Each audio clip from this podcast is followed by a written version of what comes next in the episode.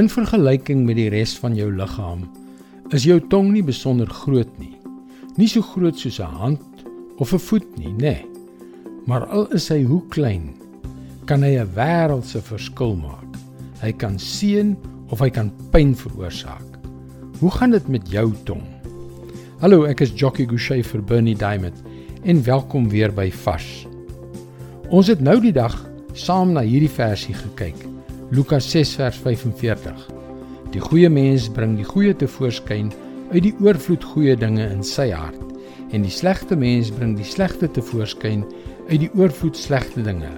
Waar die hart van vol is, loop die mond van oor. Met ander woorde, soos Jesus dikwels gesê het, die tong praat uit dit wat oorvloei uit die hart. Sonder reinheid van hart sonder 'n hart wat kies om nader aan Jesus te kom, 'n hart wat daarna smag om hom te volg, om hom te aanbid, om hom te gehoorsaam. Sonder daardie soort hart is daar selde iets goeds in die oorloop. Maar dit maak nie saak hoe rein jou hart is nie. Daar sal steeds dinge wees wat jou irriteer. Dinge sal gebeur om jou te laat ontplof.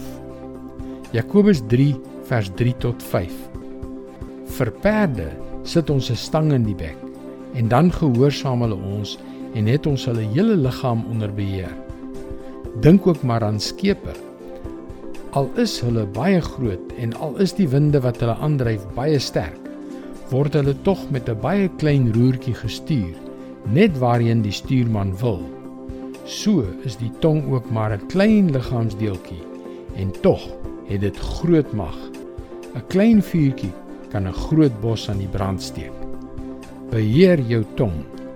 Dit is God se woord vars vir jou vandag. Ons kan nie kragtige verandering in ons lewens teweegbring deur net harder te probeer nie. Maar God kan dit doen deur sy krag in ons te laat werk. Die enigste soort gebed waarvan die Bybel ons leer is die soort wat kragtige resultate het. Ons sal baie graag saam met jou bid. Gaan gerus na powerfulprayer.org om jou gebedsversoek te deel.